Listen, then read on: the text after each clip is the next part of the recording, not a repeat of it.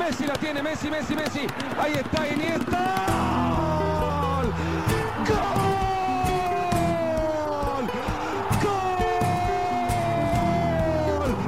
Cerebro, cerebro, cerebro Iniesta. Hey Koen, Dag Michael. een eh, nieuwe Croquetta brought to you by Friends of Sports. En eh, jij wilde de aflevering beginnen met een antwoord te geven op de vraag: wat hebben Jorge Molina van Granada en Koen Frans gemeen met elkaar? Ja, ik weet het niet, hè. Drie keer geprikt. Heb jij een hattrick ook gescoord? Nee, nee, het, het is winterstop bij ons. Nee, nee, ik heb gisteren mijn boosterprik eh, ah ja, ja. gekregen. Een van de 21.000 mensen die gisteren in eh, Expo was hier in Antwerpen om de boosterprik te krijgen. Ja, ik moet zo meteen na onze opname ook eh, richting Expo om ook een moderne man te worden. ehm, met een derde daar woordspelingen mee eh, maakt. Jorge Molina, hij, hij scoort in de 4-1-zege van, eh, van Granada. Hij is ook meteen de oudste speler ooit die een hat maakt in de Primera Division. Hè? In de grote vijf Europese competities zelfs. Ik stelde die vraag vanochtend in een, in een WhatsApp-groep met een paar eh, voetbalquiz-nerd-vrienden. En niemand wist het antwoord. Eigenlijk niemand kent die gast zelfs. Dat is echt zo'n beetje geruisloos gepasseerd dat er een negen- 39-jarige spits dit weekend een hat heeft gemaakt in La Liga. Maar Dat- hoe komt dat ze hem niet kennen? Want hij heeft bijvoorbeeld met Getafe Europa League gespeeld. Ja, die naam doet zo Ex vaak ergens een ja. belletje rinkelen bij mensen, maar dat is niet... Ja, dat is niet een Zlatan Ibrahimovic of een Joaquin of wie zijn de andere oude spelers die Mhm. nu nog op de Europese velden rondlopen. Die is veel minder bekend. Ehm, je moet echt al wel een zware liefhebber zijn om de carrière van Jorge Molina te kennen. Het feit dat hij ook tot zijn 25 of zo in de lagere afdelingen zat. Ik denk tot zijn 23 zelfs in vierde klasse. Ja, dat is echt bijna zo'n sprookjesverhaal. Hè? Want die heeft inderdaad Europa League gespeeld, maar dat waren zijn eerste Europese matchen. En dan was hij al 6 of 37 Ja. of zo. Dus dat is En nu heeft hij een voet in acht doelpunten in zijn eh, laatste zes appearances. Dus, eh, ongelooflijk. ja. Ja. Eh, en hij redt ook een beetje het vel van eh, Robert Moreno, zijn coach van, eh, van Granada. Ehm, ja, Koen, ik wou je ook nog een vraag stellen. Doe jij aan het trollen en opstellen van fake accounts op Twitter? Nee. Want ineens volgde er een Keno Frans mij op het sociale medium Twitter. Ik dacht, ja, dat is te weinig Obvious. subtiel. Ja, dus ik dacht, hij heeft een tweede account aangemaakt. Nee, maar zou er echt iemand Keno met de naam Frans. Keno Frans... Ja, dat kan, hè. Ehm, Is dat een naam? Keno? Keno, is dat niet zo een van de kinderen ook van Pfaf? Nee, Kenji. Hebben die ook geen Keno?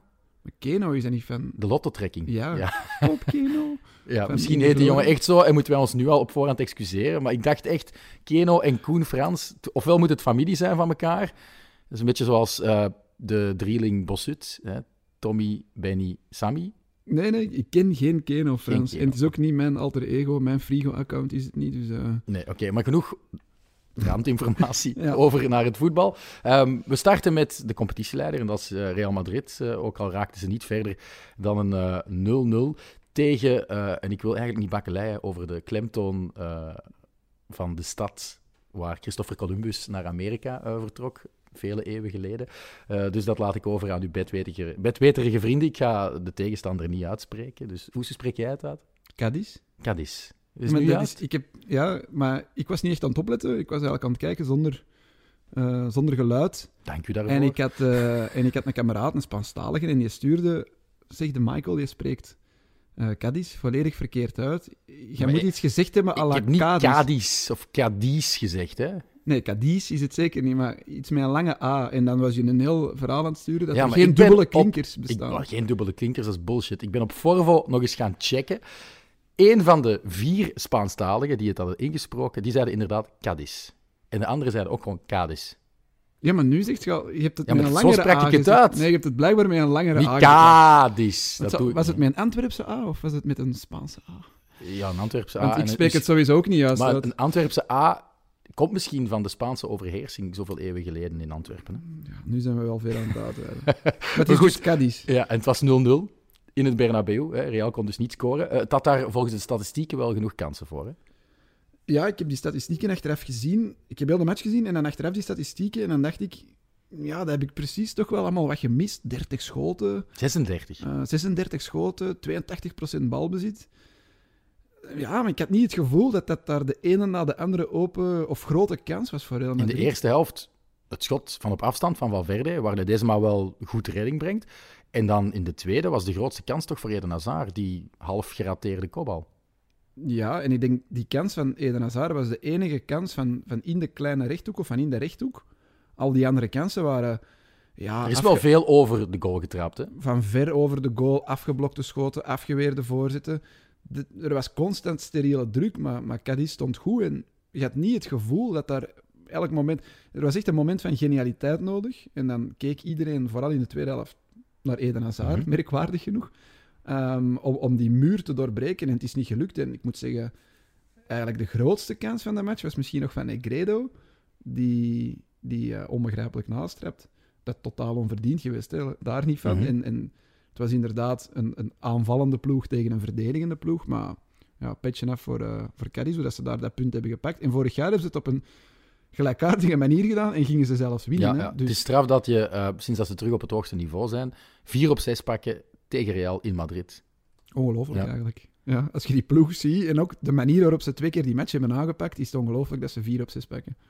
Ja, het is een beetje anti-voetbal. Het is natuurlijk niet sexy, maar, Anti-voetbal, maar Getafe zou het vroeger ook op die manier hebben Nee, maar aangepakt, maar, dan nog meer ja. tijd rekken, nog meer schwalbes uitlokken. ja. vuile dit niet- fouten Dit maken. is niet vuil. Dit is tactisch een goed plan.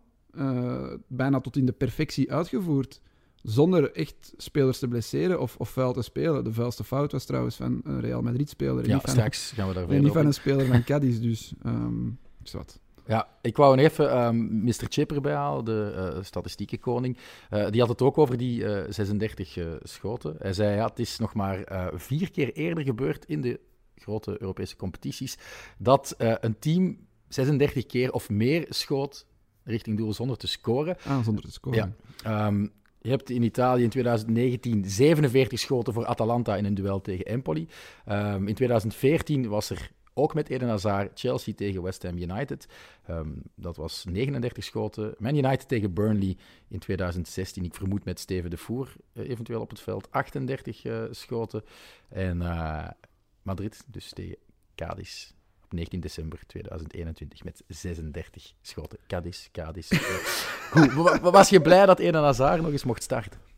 Ja, enorm. Ehm, en ik moet zeggen, aan die rechterflank... af- we zullen eerst zeggen, er waren veel afwezigen door een corona ja, Asensio, Ja, Bale, Rodrigo, denk ik. ja, Isco ook. Ja. Nu duidelijk dat hij ook COVID heeft. dus- Modric. ehm, dus ja, we weten eigenlijk niet de hoeveelste keuze Eden Hazard nu is in de piekorde.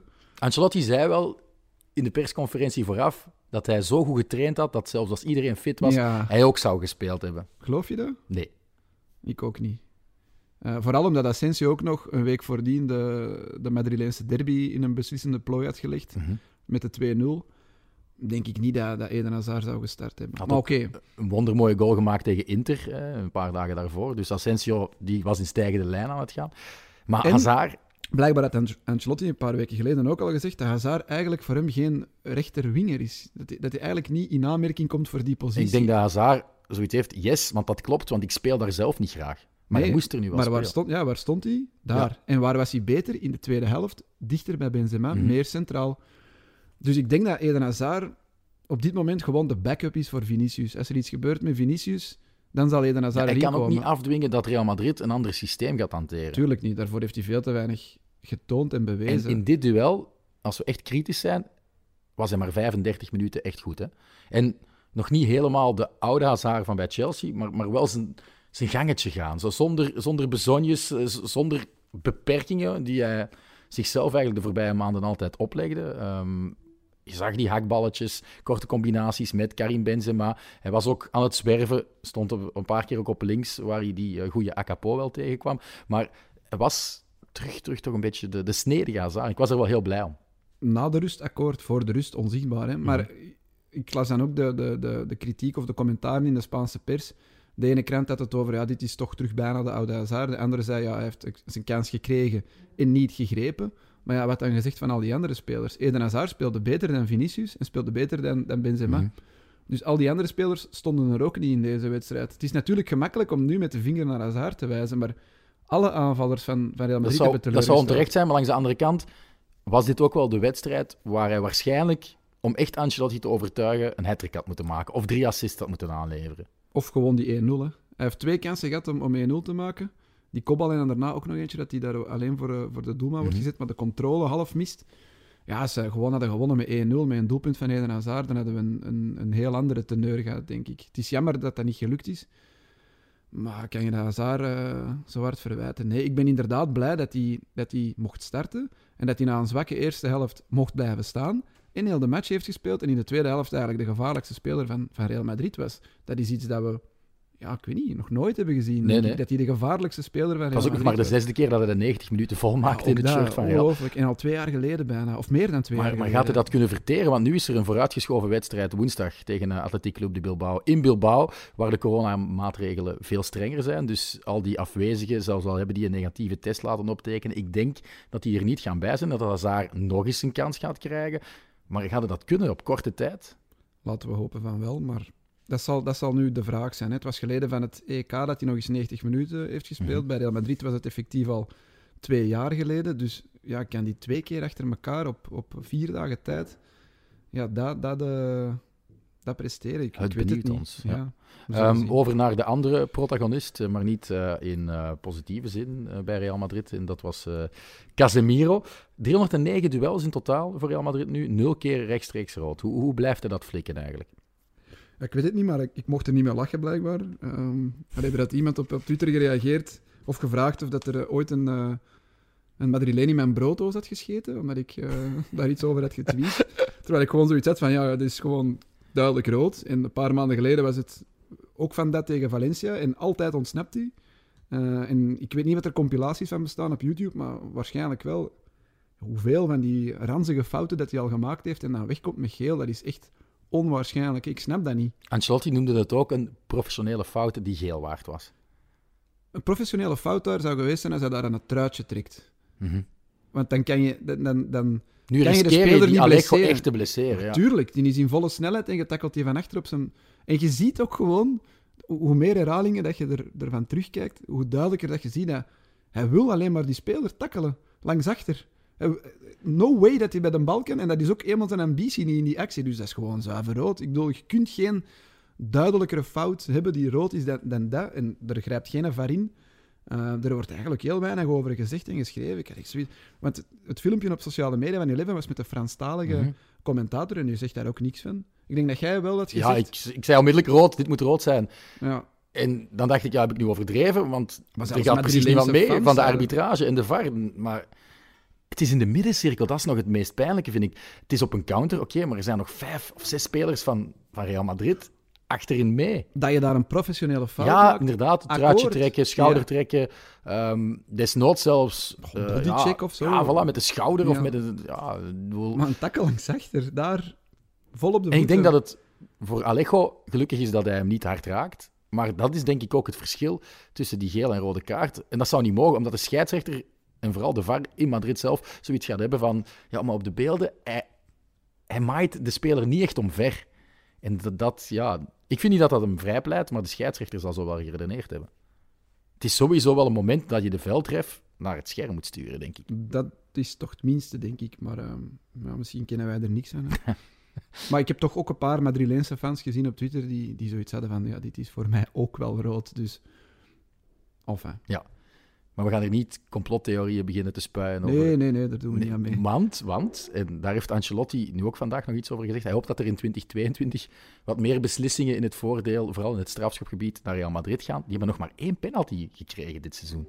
Dat, is, toch, dat is toch opzienbarend? Ik vind dat ze er een hadden kunnen krijgen in deze wedstrijd, die, die eh, op Benzema. Dat hij eigenlijk nog trapt, maar een tik heeft Kala raakt valt. hem eigenlijk, Ja, raakt hem. Mhm. Dus als, als daar die bal op de stip gaat, dan kan je zeggen, ja, licht, maar ja, licht is ook... Allee, als je hem raakt en hij valt, of hij brengt hem wel licht uit balans, ik denk niet dat het een Schwalben is of dat Benzema... Hij valt wel later. En dat is denk ik ook weer al... dat- ja, zeker in herhaling lijkt dat, lijkt dat raar en lijkt het alsof dat hij zich nog laat vallen. Maar ik denk dat hij echt uit balans wordt gebracht door dat been dat daar staat en dat contact heeft met zijn been. Dus Als ze hem daar op de stip leggen, dan, dan kun je daar ook weinig tegen inbrengen. Kijk hoe objectief ik over Real Madrid kan oordelen. Ja, oké. Eh, genoeg over de Koninklijke. Eh, dan gaan we naar eh, de achtervolgers. Ehm, Sevilla speelde een topmatch tegen Atletico, die het ook wist te winnen. Ehm, een 0 op 9 nu wel voor El Cholo zijn team. Het is nog maar de eerste keer dat dat gebeurt sinds hij coach is in 2011. Ehm, maar nu kunnen we wel concluderen dat ze helemaal uitgeteld zijn in de titelrace. Nu wordt het lastig, hè? 14 punten denk ik. Ehm, dat is echt al wel heel veel. Ehm, maar ja, 0 op 9, het is ongezien. Natuurlijk, als je, als je achtereenvolgens tegen Real Madrid en Sevilla speelt, kan een 0 op 6. Het is vooral die thuisnederlaag tegen Mallorca die die 0 op 9 extra pijnlijk maakt natuurlijk. Maar ze zijn het wel helemaal kwijt, heb ik de indruk. Ehm, Defensief een 7. ja, ik, ik, ik begrijp er niks, eh, niks meer van. Enfin, ze, ze incasseren ook wel een onwaarschijnlijke goal van Rakitic. Waar je zo van kan zeggen, ja, die mag dat misschien honderd keer proberen, die gaat er één keer in. Maar ze zitten nu in die situatie dat die, er, dat die erin gaat. En ze zetten daar ook heel weinig tegenover. En, en Simeone weet het niet meer met zijn opstelling. Er zijn te veel Zijn spelers... blik in elke wedstrijd die ze verliezen verraadt echt een soort van ik weet het niet meer. Ja, de ene keer met Suarez, de andere keer zonder Suarez. De ene keer met Korea, de andere keer zonder Korea. Hij weet echt niet meer wat, wat, welke elf hij de wij moet insturen om een resultaat neer te zetten. En hij probeert maar wat en hij blijft maar proberen. Maar ja, het, het lukt niet. En Sevilla, ja, die, die zijn dan wel uitgeschakeld in, eh, in de Champions League en hebben verlengingen nodig gehad tegen een derde klasser, denk ik, in de Copa del Rey. Maar in de competitie is het op dit moment ja, misschien de enige ploeg die, die Real het vuur aan de schenen kan leggen. Winnen ze vanavond die match van Barça, dan, Ja, ja. dan is het verschil echt we zijn altijd sceptisch geweest hè, over hun titelkansen. Hè? Ja, omdat, omdat die altijd een terugval hebben. Een paar weken geleden schoven we hier zoals Sociedad voorzichtig naar voren. Ja, kijk nu, die, die gaan al blij zijn als ze, als ze Europa League halen waarschijnlijk. Dus Sevilla is natuurlijk een, een, van een ander kaliber dan Sociedad, maar het is geen Atletico die volgens mij echt tot het einde kunnen meegaan met, met Real Madrid. Maar ik, ik heb wel smal nog mij. iets van Mr. Chip dat, dat jij wel zal appreciëren. Ehm, Sevilla depende de sí mismo para ser campeón. Ze hebben het dus zelf in handen om kampioen te worden. Ik herinner me dat jij dat met Barcelona, dat derde eindigde vorig jaar, telkens oprakelde van ze hebben hun lot nog in eigen handen. Tot speeldag 35 of zo was dat zo. Hè?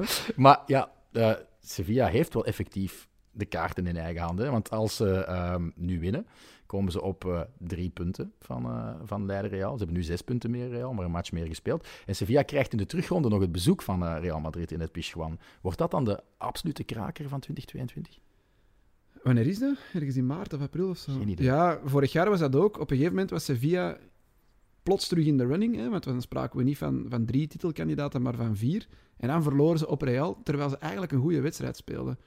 Dit dat seizoen- is typisch Sevilla eigenlijk. Dat is typisch. Sevilla, want dit seizoen speelden ze ook een goede wedstrijd op Real Madrid. En hebben ze die op een of andere miraculeuze manier... Maar nu En pakken een ze wereldgoal van 9 op Vinicius. 9 zonder in één van die duels uit te blinken. Ja, en dat hebben we vorig jaar van Atletico ook gezien. Maar in die topmatches spelen ze dan eigenlijk wel goed en verliezen ze toch. Dus Mhm. ik ben benieuwd voor vanavond tegen Barcelona. Ja. En denk je dat de Real-supporters voor Barcelona gaan supporteren? Ja, dat denk ik wel. Ik denk dat ze bij Real nu zoiets hebben van onze enige echte uitdager, als we het al zo mogen noemen, want moest ik Real-fan zijn, ik zou op mijn beide oren slapen, die worden altijd kampioen. Maar als er dan toch één ploeg misschien tot het einde kan meegaan in die titelstrijd, dan zal het misschien toch wel Sevilla zijn. En dan kan je maar eh, ja, beter hopen dat ze vanavond niet winnen van Barcelona. Hoe, hoe kunnen Atletico-supporters hun rot humeur, eh, waaronder ik zelf dus, voor de feestdagen zo snel mogelijk wegkrijgen?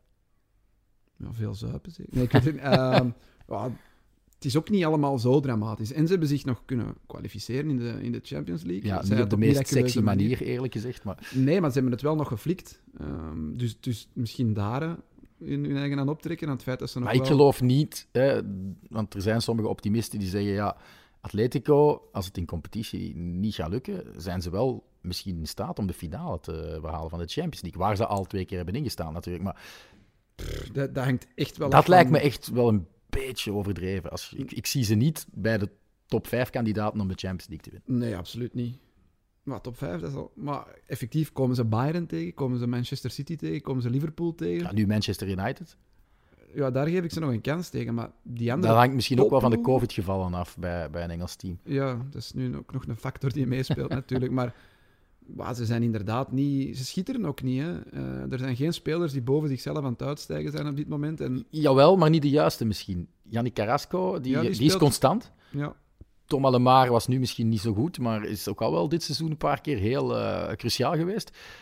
Maar ja, het verschil, het grote verschil is het ook dat Luis Suarez ouder, versletener droog. lijkt. Staat Ja? zeven Ja. droog. Volgens mij is dat nog nooit gebeurd in zijn leven. Zeven Ja. matchen op rij.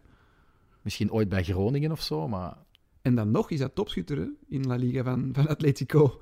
Dus dat zegt ook veel over al die andere aanvallers. Hè. Ze hebben daar een... Die, die, ehm, Saponic? Nee. nee, Cunha. van Lyon ze er toch een gehaald? Of is die al weg? Die is terug weg, hè? Hij is al terug weg, die is ja. terug, terug maar ze hebben, ze hebben zoveel ja, is, eh, goede aanvallers gehaald. Moussa Dembélé. Ja, Moussa Dembélé, dat was hem. Uh, Griezmann uiteindelijk. ehm ja, Joao Felix. Het zijn toch allemaal gasten Korea. die in de dubbele cijfers moeten, moeten staan. En ik denk dat die er allemaal drie hebben. Korea vier misschien. Maar die hebben allemaal nog zo weinig doelpunten gemaakt dit seizoen. Dat je toch weer moet kijken naar Suarez, terwijl die niet eens Maar dat is normaal gezien geen probleem, omdat ze ge- geen doelpunten incasseren. Maar dat is hun grootste struikelblok op dit moment. En ik denk dat, dat Simeone eh, zelfs van plan is om in de winter, als er centen voorhanden zijn, om eventueel een extra verdediger te gaan halen. Want het, het werkt niet meer. En Savic en Jiménez zijn meer geblesseerd dan iets anders. Dat is wel een betrouwbaar duo normaal gezien. Maar Felipe, die nu wel scoorde, ehm, vind ik echt te weinig, eerlijk gezegd. Atletico heeft evenveel doelpunten geslikt dit seizoen in La Liga als Getafe. Dat is echt wel genoeg. Getafe, die Ja. stonden een paar weken geleden nog laatst. Ja, ja. Dus dat zegt genoeg. hè. Eh, over naar ehm, ja, de nummer drie in eh, het klassement. Nog een Sevillaans team, Betis. Die hebben ook geen schitterend weekend gespeeld. Wel een, grandioos leuke wedstrijd. Um, Athletic Club eh, won met 3-2 in het Samames. En zo brengen ze een einde aan een negatieve reeks van acht duels zonder overwinning. De Basken zijn gelukkig. Die hadden ook de voorbije weken 40 keer naar goal geschoten zonder te scoren. Maar de ketchupfles gaat dan helemaal open. En wat ik dan heel verrassend vind, is dat Iñaki Williams twee keer scoort. En Een man die goals. eigenlijk nooit doelpunten maakt als aanvaller. En het waren mooie goals. Al vind ik wel die tweede... Het is hard, maar het is echt wel in de hoek van de keeper, waar Rui Silva zich toch laat, laat kloppen. Lat binnen. Het is echt wel een eh, geweldig doelpunt. Effectief, ja, Iñaki Williams. We hebben het al zo vaak gezegd. Onvoorspelbare, geweldige speler. Enorm snel, maar geen goalgetter. Ik denk dat hij zijn meeste doelpunten in een seizoen 11 is of zo, Mhm. of 10. Dat is ook van 2018, 2019 tegen Rayo Vallecano geleden, dat hij nog eens twee keer in éénzelfde competitiematch had gescoord. Ja, Dus kijk, maar zoals gezegd van de ketchupfles, hè, als hem er ene maakt, maakt hem er nog. Die tweede was echt wel ongelooflijk dat hij vandaar met zijn linker zo uithaalt. En eh, ja, ik vond dat een Nilis-achtige goal, om die daar in die korte kruising dik laat binnen te stampen. En je zag ook de medespelers, maar ook bij Iñaki Williams zelf, ja, dat was zo'n soort van last die van zijn schouders viel. Van ja, oef, ik, ik kan wel doelpunten maken en ik moet meer vertrouwen in mijn schot op doel. En ik vond het wel mooi om, om te zien dat Bilbao, ondanks die rampzalige reeks, toch nog die spelers blijft omarmen. En dat zo één overwinning dat stadion in vuur en vlam Mhm. kan zetten, dat is, dat is wel mooi om te zien. Voor Betis is het natuurlijk wel een bittere pil. Ja, die hadden eigenlijk mee in de, de titel wat zich kunnen mengen. Hè? Als die... Dat is allemaal zo... Ja, tuurlijk is, is, Real Madrid waarschijnlijk wel vertrokken en gaat ja, Sevilla eventueel nog in de buurt komen. En moet je al zeer optimistisch zijn om Betis daarbij te betrekken. Maar ja, als ze gewonnen hadden, en ze stonden ook voor in dat duel, het was een remontada van, eh, van de Basken. Dus, dus hadden ze echt ook wel heel dicht bij, bij Real Madrid kunnen sluipen. Maar hun probleem is net als Atletico, maar dat weten we eigenlijk al jaren. Want, want wedstrijden van Betis zijn super entertainend, er kan altijd iets in gebeuren. Maar soms in die defensie is het ook gewoon open deurdag. En dan vind ik het heel grappig dat een van die verdedigers dan in verband gebracht wordt met jouw team, met FC Barcelona. Een reunie eh, voor, voor Mark eh, Bartra staat op til. Dat is toch ook bijzonder, bijzonder bizar. Ja, dat is geen eh, upgrade tegenover de centrale verdedigers die er nu rondlopen, denk ik. Buiten Mingueza. Maar centraal van achter vind ik die best oké. Het is gewoon geen rechtsback. Ehm, maar alle anderen halen toch wel op zijn minst het niveau van, van Bartra. Om Titi wil ik nog in het midden laten. Maar eh, ja, Betis, ondanks deze nederlaag staan ze derde. En dat is blijkbaar geleden van 1964 dat ze halfweg de competitie Mhm. in de top 3 staan. Dus ik denk niet dat, dat er daar iemand lang gaat wakker liggen van, van deze nederlaag tegen Atletico. Nee, het is maar- pijnlijk, het is jammer, maar het is ook niet dramatisch. Zij, zij, hopen, zij hopen echt dat er Champions League uit de bus valt hè, ehm, in, in mei 22. Ja, dan gaan ze, want Atletico en Barça staan momenteel niet in de, in de top 4. Nee, maar ja, Barça kan daar wel bij geraken. Allee, gelijke hoogte komen met Rayo als ze vanavond winnen van eh, Sevilla. En dat is een ideaal moment om er nu eh, Rayo Vallecano even tussen te gooien, want dat verdienen ze eigenlijk ook wel. Ehm, eh, ze hebben hun wedstrijd gewonnen tegen Deportivo Alaves in het Vallecas met eh, 2-0. Behaalde nu acht overwinningen en één gelijkspel uit negen duels thuis. Ze zijn daarmee samen met PSG het sterkste thuisteam van de top vijf Europese competities. En dat voor een club die eh, tickets niet eens online aanbie- aanbiedt. Je moet echt fysiek naar het loket om je kaartje te krijgen. Ehm, er zijn nog veel dingen waar we eh, een soort manco aan professionalisme kunnen bemerken bij Rayo Vallecano. Hè. Hun vrouwenploeg heeft geen medische staf. Die moeten echt gewoon bij een blessure vragen dat... Ik zag een beeld, ik was het tegen Barcelona of Atletico, van de verzorgster van de tegenpartij die een blessurebehandeling uitvoert bij een geblesseerde Rayo-speelster. Dus dat zegt wel genoeg. Er zijn ook veel politieke beslissingen daar natuurlijk, met de rechtse voorzitter en een heel linkse aanhang. Maar zwart, het is wel mooi dat het A-elftal van de mannen het, het, het fantastisch doet. En eigenlijk moet dat ons voornemen echt zijn voor 2022, want we probeerden het al dit seizoen om een keer eens op bezoek te gaan in dat, in dat uh, Estadio de Vallecas. Hè. Uh, Ja, liefst zo in een, in een warm lentezonnetje, zo in Ja, maart, ja, april of zo. maar ik heb nu ook opgeschreven, desnoods tegen een tegenstander à la Levante of Getafe. Nee, want dan koppelen druk... we het ook aan Atletico of Real. Hè. Ik bedoel, als je Ah, dat echt een topteam ja, wil zo. zien... Een weekendje en twee matchen meepikken. Ja, waarom niet? Ehm, nog op die, op die ehm, thuisreputatie. Ze doen dus beter dan, dan Liverpool, Bayern en Chelsea. Al die andere ploegen die Mhm. daar in die top 5 staan. Even goed als PSG. Maar vorig jaar waren die pas op de laatste speeldag in tweede klasse zeker van een plaats in de play-offs. Mhm. Dat was ook met COVID, hè?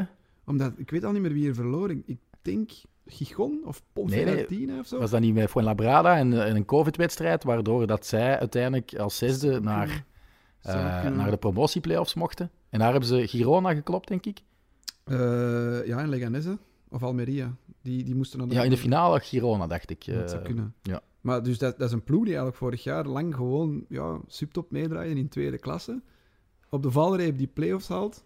Dan halve finale en finale van die play-offs wint. En nu is dat gewoon de ploeg met de beste thuisreputatie van Europa. Kregen ook nog maar drie goals tegen hè, in Ja, eigen stadion. Ja, Sociedad tot voor dit weekend ook, denk ik. Dus, maar ja, het is ongelooflijk. En als je dan ook ziet hoe, hoe ze spelen... Ik heb de, de lange samenvatting van die match gezien.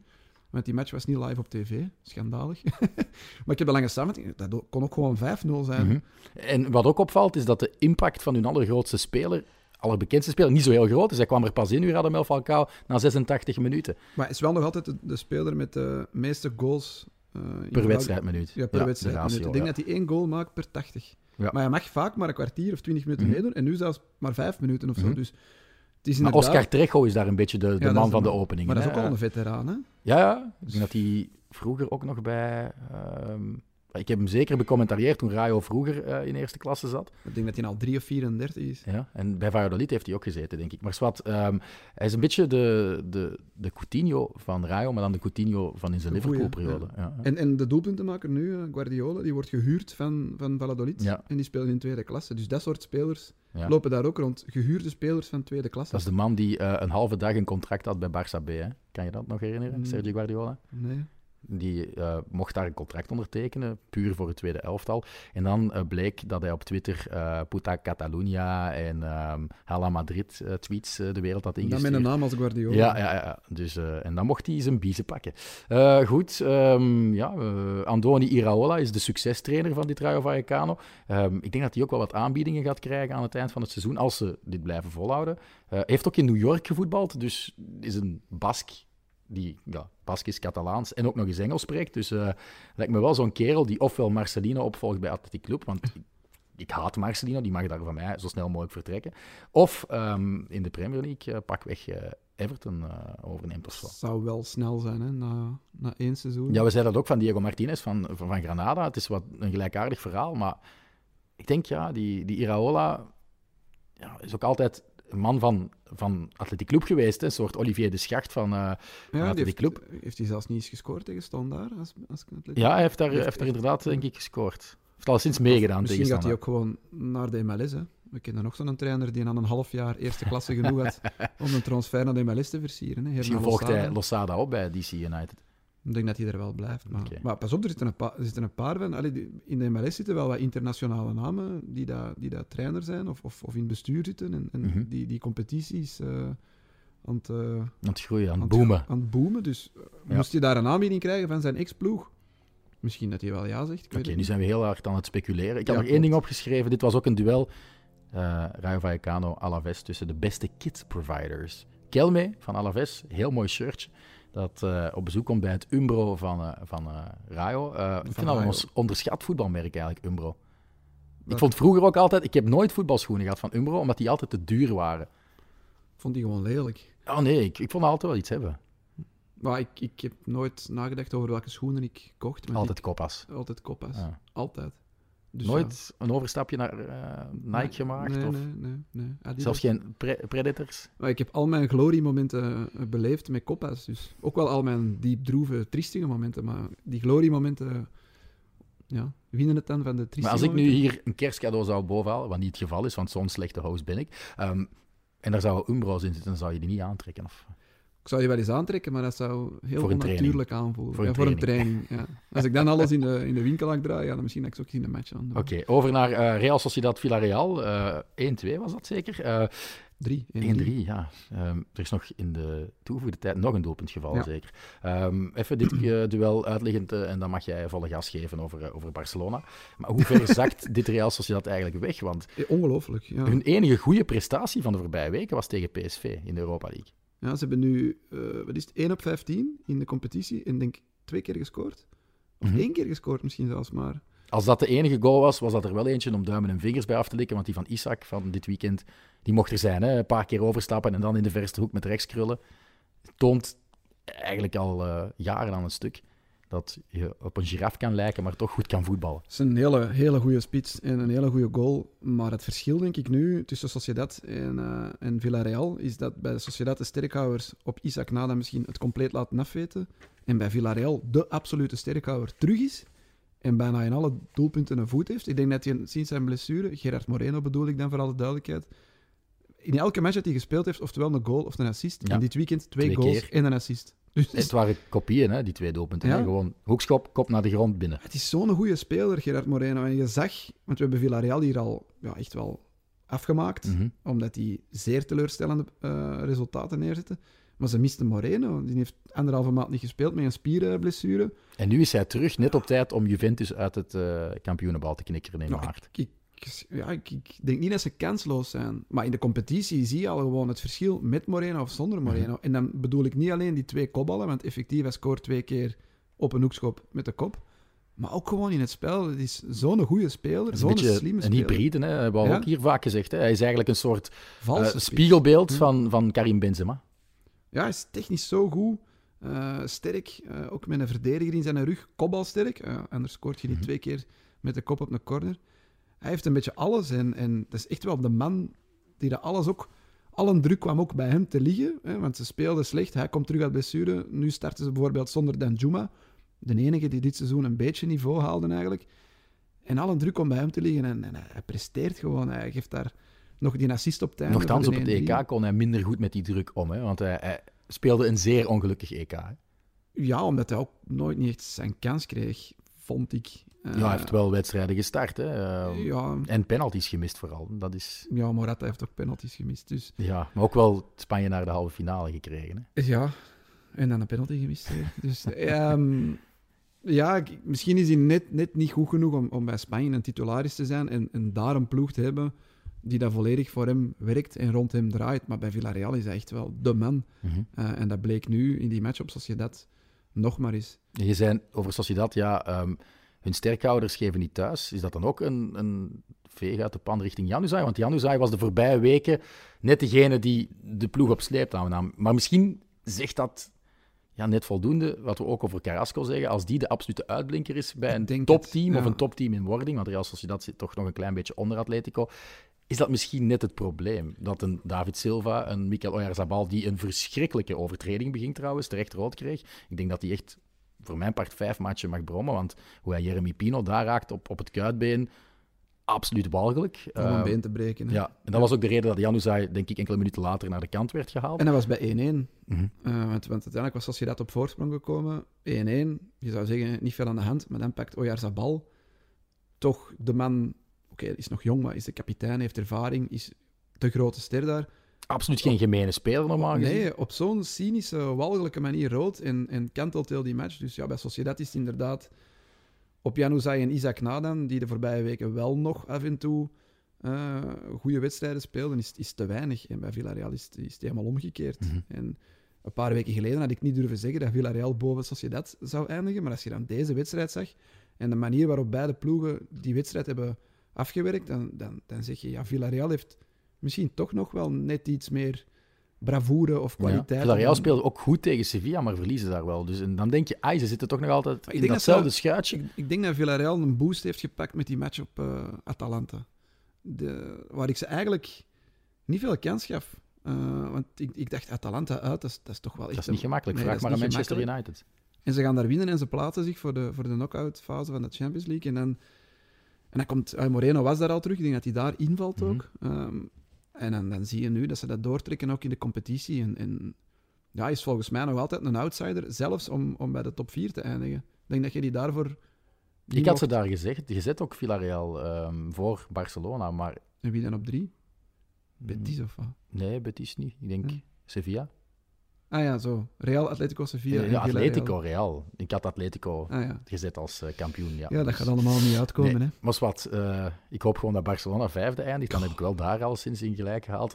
Hup, en nu kunnen we naar Barcelona tegen Elche. Ehm 3-2 overwinning. Wat overheerste er bij jou? Het genot omdat er drie jonge gasten voor de goals zorgden. En dat Gavi eindelijk ook eens een endproduct toonde. Hè, en veruit de beste man op het plein was, denk ik. Eh, of toch eerder gelatenheid, omdat je tegen Elche nog bijna puntenverlies leidt. Wederom. Nee, nee, genot. Ehm, bij de 3-2 van, van, van Nico gleed ik echt op mijn knieën door de living. Het was echt... Maar dat is ook vijf minuten voor afluiten. Hè? Ik bedoel, Het was ook gewoon zo verdiend. En ja, achteraan gaat soms nog het licht uit. Ter Stegen kan schijnbaar ook geen enkele bal niet meer tegenhouden. Dat je op één minuut tegen fucking Elche van 2-0 naar 2-2 gaat, is onaanvaardbaar en onbegrijpelijk. Maar dat je dan gewoon nog verdiend wint. En de drie goals worden gemaakt door, door jonge gasten, waar ik van hoop dat die, dat die zich de komende jaren verder ontwikkelen en beter en beter worden. Hoewel ik dat bij die speed van Barça B wel ja, nog ja, wil die zien. Ferran uh, Jutkla, die, kon Jutkla. u, die kon u niet meteen overtuigen. Hè? Jawel, jawel. Ik, ik vond die heel goed, maar dat is ook weer zo'n bizar verhaal. Ik bedoel, die wordt deze zomer weggeplukt bij Espanyol voor Barça B. Speelt bij Barça B rechtse wing, is een buitenspeler. Maar Xavi zag daar iets in. In die match tegen uh, Boca Juniors hebben ze een oefenmatch gespeeld. Heb je, heb je die gezien trouwens, de Maradona Cup? Of, uh... Nee, ik heb, die, ik heb die match niet Ze hebben die ook verloren, hè? maar heeft Dani Alves daarin meegedaan? Heeft ja, die stond rechts en bak. Stond rechts en bak maar... Nee, ik heb die wedstrijd niet gezien. Verliezen maar, met 4-2 van Boca. Hè? met de penalties, hè? Ah ja, was dat, met penalties? Ik denk dat het strafschoppen waren, ah, ja, als ik me niet vergis. Maar bon. Um, en ook daar speelde hij Jutkla, of Jutkla, ik ja. weet niet hoe ik het moet uitspreken. Het is niet zo gemakkelijk als Cadiz. Um, rechtse wing. Dus ik vond het vreemd dat hij in de spits stond, maar je ziet aan die looplijnen... Want ik denk dat hij na een minuut al scoort op een geweldige loppas van, van Gavi, Mhm. mm -hmm. afgekeurd door buitenspel. Hij kopt een corner binnen. Ja, hij kopt beter naar de goal nog, dan Luc de Jong. Hij heeft nog wat kansen gehad door slim diep te lopen en slim vrij te lopen. Allemaal zaken die de andere spitsen, die op dit moment fit zijn bij Barcelona, nog niet hebben gedaan. Mm -hmm. Of niet doen, of toch te weinig doen. Met alle respect voor Memphis Depay, Luc de Jong en de andere spitsen van Barcelona. Maar hij deed dat wel. Dus ik denk dat hij gewoon perfect gedaan heeft wat Xavi voor de match aan hem gevraagd heeft. En dat is ja, zijn debuut. Het was niet zijn debuut, want hij had ook één minuut ingevallen in die 2-2 op Osasuna. Maar zijn, zijn volledige debuut, of zijn, zijn debuut in de basis, ja, ik denk dat je het niet beter kunt doen. Hè. Hij had zelfs een nettrick kunnen maken, mm -hmm. bij wijze van spreken. Uh, hoe, hoe, zat het nu echt? Want Xavi die claimde dan achteraf dat hij meer jeugdspelers aan de aftrap wilde brengen, maar dat het niet mocht, want als er dan een niet-jeugdspeler rood zou krijgen... Um, eh, met te weinig echte profs op het veld ja, stond. En ik heb dat, ik heb dat, dat dan dan forfait had kunnen zijn? Ja, ik heb dat dan achteraf opgezocht. Het zijn de spelers die dan niet ingeschreven staan als, als first team. Ja, uh, stagiaircontracten eigenlijk. Ja, zoiets. En Gavi en uh, Nico, Nico, en nog een paar andere van die gasten vallen daaronder. Dus je kunt die niet allemaal tezamen...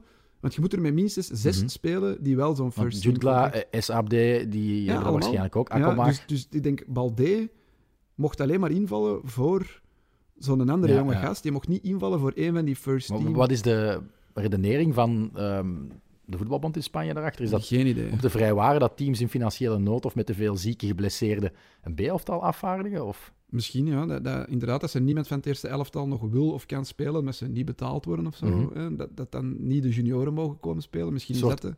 Competitievervalsing, vrijwaring eigenlijk. Ja, het is niet echt vervalsing. Hè. Het is gewoon nog redden wat er te redden valt. Ik denk dat ze dan zo liever hebben dat je gewoon algemeen forfait geeft. In plaats van dat je daar met je junioren komt spelen. Wat misschien nog wel te begrijpen is. Maar het is straf dat Barcelona op dit moment eigenlijk... In die situatie verkeerd eigenlijk. Ja, nee, dat ze vinden dat hun jeugdspelers met stagiaircontracten beter, Beter zijn, zijn, ja, dan ja. die gasten met zware contracten. Want er zitten wel kerels als Coutinho, Umtiti, ik weet niet wie, die, die daar Mhm. miljoenen per jaar verdienen.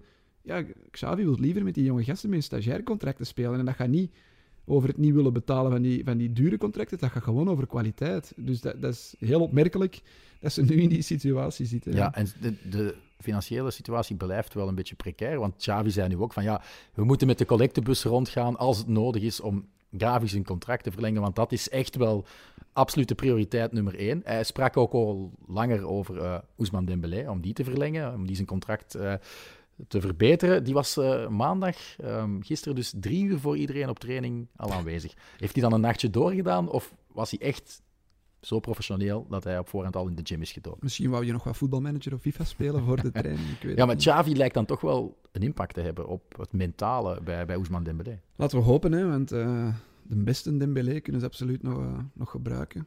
Maar ik wou nog zeggen over, over de financiële situatie. De socios hebben wel dit weekend goedgekeurd dat er 1,5 miljard Ja, wordt geleend om Camp Nou te renoveren. Mhm.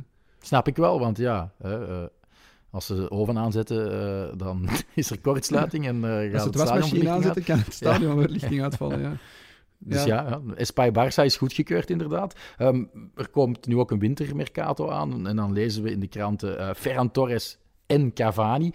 Cavani zou toch heel raar zijn, hè? want je hebt net nog geen twee jaar geleden een eh, Uruguayaanse spits op leeftijd de deur gewezen en dan ga je een andere Uruguayaanse spits op leeftijd halen. Misschien dat ze hem een halfjaartje huren en dat je dan er terug vanaf bent en misschien maar een deel van zijn contract overneemt. Eh, ik weet het niet.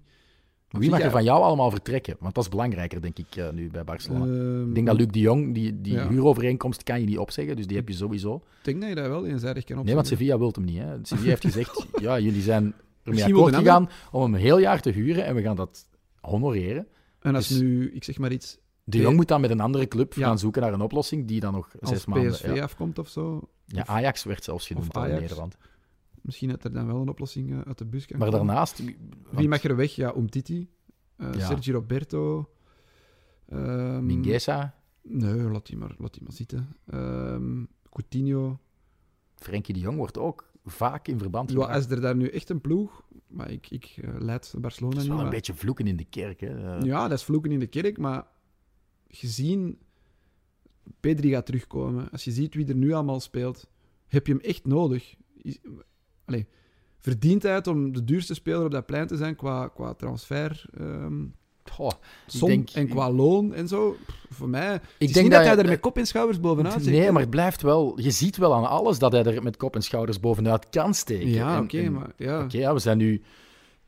Wat is het? eh, drie jaar verder sinds hij- Verantwoord dat 80 miljoen aan transfersom en het loon dat hij heeft tegenover die jonge gasten die eigenlijk niet slechter spelen. Met maar- alle respect, Kavi speelt beter dan Frenkie de Jong. Die Ja, maar je baseert je nu op... Wat is het? Gavi heeft 23 wedstrijden gespeeld in totaal als prof. Ja, maar ja, dan nog. Frenkie de Jong heeft wel... Nico speelt ook gewoon echt goed, hè. Ja, ja, maar ik denk dat je te veel korte termijn aan het denken bent. Ik vind nog altijd Ja. Frenkie de Jong... Als je nu één speler eruit plukt bij. Barça, die het Barça-DNA ademt, is het Frenkie. Ja, maar het feit dat we er nu over aan het discussiëren zijn, is toch al een teken aan de wand. Dat, dat, dat, Ja, er is ook zo'n verhaal dat hij je blijkbaar te close met Koeman was en dat dat eh, in de kleedkamer niet zo geapprecieerd werd. Maar Maar ja, dat geloof ik allemaal niet. ik ook niet, eerlijk gezegd. Stel dat er nu een bod komt van Bayern München. 80 miljoen euro of 90 miljoen euro. ja, dan gaat Laporta sowieso twijfelen. Hè? Twijfelen, volgens mij twijfelt hij zelfs niet. Volgens mij zegt hij gewoon ja. Maar ze, ze zeggen nu wel, ze hebben het al, want de vraag komt, denk na elke wedstrijd. Wat met Frenkie de Jong? Heeft Frenkie de Jong hier in toekomst? Gaan jullie hem verkopen? Hebben jullie het geld nodig? En ze zeggen altijd nee. Frenkie de Jong blijft. Frenkie de Jong hoort bij Barça. Maar als ze daar met miljoenen smijten, dan zou ik het heel straf vinden, moesten ze na, nee ja, zeggen. Ja. ja. Er is nog een wedstrijd vanavond. Ehm, veel mensen die naar deze podcast eh, trouw luisteren, doen dat misschien niet op de dag dat we hem publiceren. Dus die zullen zoiets hebben van, ja, oké, dit boeit niet, want ja, die wedstrijd is al gespeeld. Maar Sevilla-Barcelona is wel een echte kraker. Ehm, belangrijk, we hebben al gezegd, Barça kan in de top 4 terechtkomen op gelijke hoogte met Rayo. Wat zijn jouw verwachtingen voor, voor die topper in het Sanchez-Pizjuan? Ja, Lopetegui heeft gezegd dat hij hoopt om aan 13, 14 fitte spelers te geraken. Omdat ze toch wel echt heel veel blessures hebben. In de match tegen Atletico moest uiteindelijk Jules Koundé op rechtsback depaneren. kwam Goudelje erin centraal. Dus ja, laten we hopen dat, dat Sevilla niet op volle kracht eh, komt spelen vanavond. En ja, als je eerlijk moet zijn in, in de matchen tegen de, tegen de goede ploegen, komt Barcelona, dit Barcelona, hoewel ik ze geweldig vind spelen soms en, en van die jonge gasten echt begin te houden, komen ze nog tekort. Ja, Dus ze worden overbluft, hè. denk het wel. En, en Sevilla is wel zo'n ploeg met ja, ervaring, lepe gasten en ook een ervaren trainer. Eh, zo'n Rakitic, zo'n Ocampos, je moet het allemaal niet leren. Wel een ervaren trainer die niet het beste rapport heeft in de topduels. Dus Nee, ook hij heeft het moeilijk om, om topduels te winnen. Maar ja, ik zag ze onlangs dan nog heel die match spelen tegen Atletico, tegen Real. Die spelen echt wel goed. Hij is echt wel een blok ook en, en, en een gevaarlijke ploeg. Ze hebben een afgang gekend in de Champions League, wat ik niet had verwacht dat ze in die groep mhm. zouden sneuvelen. Maar misschien kunnen ze zich daaraan optrekken. hebben wel de makkelijkste loting. Speel nu tegen Dynamo Zagreb. Die hebben wel Tottenham in de Europa League uitgeschakeld vorig jaar. Maar als je naar de andere eh, lotingen kijkt in de Champions en Europa League, komen zij er het wel het beste uit. Ja, en, en Sevilla is een ploeg die daar, De Europa League kan winnen. hè. tuurlijk, hè, ze hebben het al Het is ook de finale in het Sanchez Pizjuan. Dat speelt zeker mee, denk ik, eh, bij een groot gedeelde van die spelers. Zelfs een Rakitic, die is teruggekeerd, maar die al Europa Leagues heeft gewonnen natuurlijk vroeger. Die zal daar wel motivatie uitputten. Denk ik wel, maar nu, vanavond willen ze gewoon dit jaar afsluiten met een overwinning. En voor, voor beide ploegen zou het, zou het echt wel een opsteker zijn om met die overwinning de winterstop in te gaan. Dan ga je echt met een gevo- goed gevoel de winterstop Mhm. in. Maar voor beide ploegen geldt ook, verlies je vanavond, dan, ja, dan gaat het toch met een lang gezicht eh, Ja, een aan de feestdies zitten vrezen. Ehm, dat was eigenlijk ook het geval in de derby tussen Levante en Valencia gisteren. Vooral dan Levante, die, Levante, die met een eh, beter gevoel naar eh, de feestdis konden gaan als ze hadden gewonnen van hun stadsgenoot. Ik, ik wil daar eigenlijk een soort bezinningsmoment voor inlassen voor, eh, voor het verdriet van Levante. Want die doen het zwaar nog slechter dan, dan Beerschot. En gisteren komen ze, ja, wat is het, 2-0 voor? Denken Ja. iedereen einde aan ja, die negatieve reeks van 25 of 26 wedstrijden zonder nederlaag. ja, Eh, zonder overwinning liever. Ehm, een record, hè. Ja. een, een record, ja. En, en dan komt ja, Valencia nog helemaal terug in de wedstrijd. Ja, komen ze 2-1, 2-2, 2-3, 2-4 en uiteindelijk 3-4 en dan verliezen ze weer. En dan, zie je aan die gezichten bij Levante, want het stadion kolkte ook echt bij de 2-0. Van ja, oké, dit, dit, dit komt niet meer goed. Hè. Ik bedoel, als we zelfs deze match verliezen, bij 2-1, vlak na de rust, krijgt Levante de kans op 3-1, strappen op de lat. En de rebound gaat ook niet binnen. En een halve minuut later is het 2-2. En dan, ja, dat, dat zijn zo'n mokerslagen en ze krijgen die gewoon elke fucking week. En als je, wat is het, 18 speeldagen ver bent en je hebt nog geen enkele match gewonnen, ja, dan weet ik niet waar je nog de moed gaat vinden of de kracht Mhm. in de winterstop. Of, Wie is er meer een vogel voor de kat? Beerschot of eh, Levante? Denk het, de afstand tussen Ja. Levante en boven de degradatiestreep is kleiner. Levante staat zeven punten van een veilige plek. En op een of andere manier, ze hebben ook al vaak gelijk gespeeld. Ze hebben nog niet gewonnen, maar ze hebben wel al acht of negen keer gelijk Mhm. gespeeld. Heb je het gevoel dat ze toch altijd wel, wel meedoen en niet, niet keihard verliezen. Maar ze scoren te weinig. En als ze dan zelfs drie keer scoren, verliezen ze toch nog. Beerschot, de kloof met de rest is, is veel groter. Dus ik, ik denk dat Levante nog een betere kans heeft. Maar voor beide ploegen geldt wel, als ze na de winterstop niet direct een reeks kunnen neerzetten, dan zal het wel, zal het wel in februari of in begin Al maart, de zijn, laatste, zal het wel foutu Ja, zijn en ja. zal het wel gedaan zijn. Ja. Oké. Ehm, Koen, eh, de volgende aflevering is in een volgend kalenderjaar. Dus eh, wat wens jij onze luisteraars nog toe voor kerst en nieuw? Ehm, dat iedereen gezond mag blijven. Dat je toch op een of andere manier je, je familie kunt zien en eh, fijne feestdagen kunt beleven. Als het buiten moet in een tent, doe het dan buiten in een tent. Ehm, en verder hoop ik dat we, dat we in, in 2022 toch op een of andere manier niet te veel niet meer te maken krijgen met dat virus en toch terug naar het, het gewone leven Mhm. kunnen terugkeren. Dat wij eens ontspannen naar een matchje kunnen gaan kijken in Madrid van Rayo Vallecano en, en van Atletico of Real of Getafe. Als je de bigger picture bekijkt, is dat effectief het belangrijkste. Hè? Dat wij... Dat wij naar daar kunnen. Ja. Ik wil jou ook nog iets toewensen, dat je ook drie keer prikt eh, na de winterstop met uh, Vala. Eh, Ja, laten we hopen. Ik, ik zal al blij zijn als ik terug gewoon pijnvrij kan voetballen. En ik denk dat ik er na dit seizoen sowieso de brui aangeef. Want ik Krijg je dan ook zo'n persconferentie à la Aguero, met tranen in de ogen van... Eh, Als ik er zou afscheid Ja. nemen? Eh, dat denk ik niet, nee. nee. Goed, ehm, ja, dan wens ik jullie ook allemaal eh, un eh, feliz Navidad, prospero año. Team Januzaj y felicidad.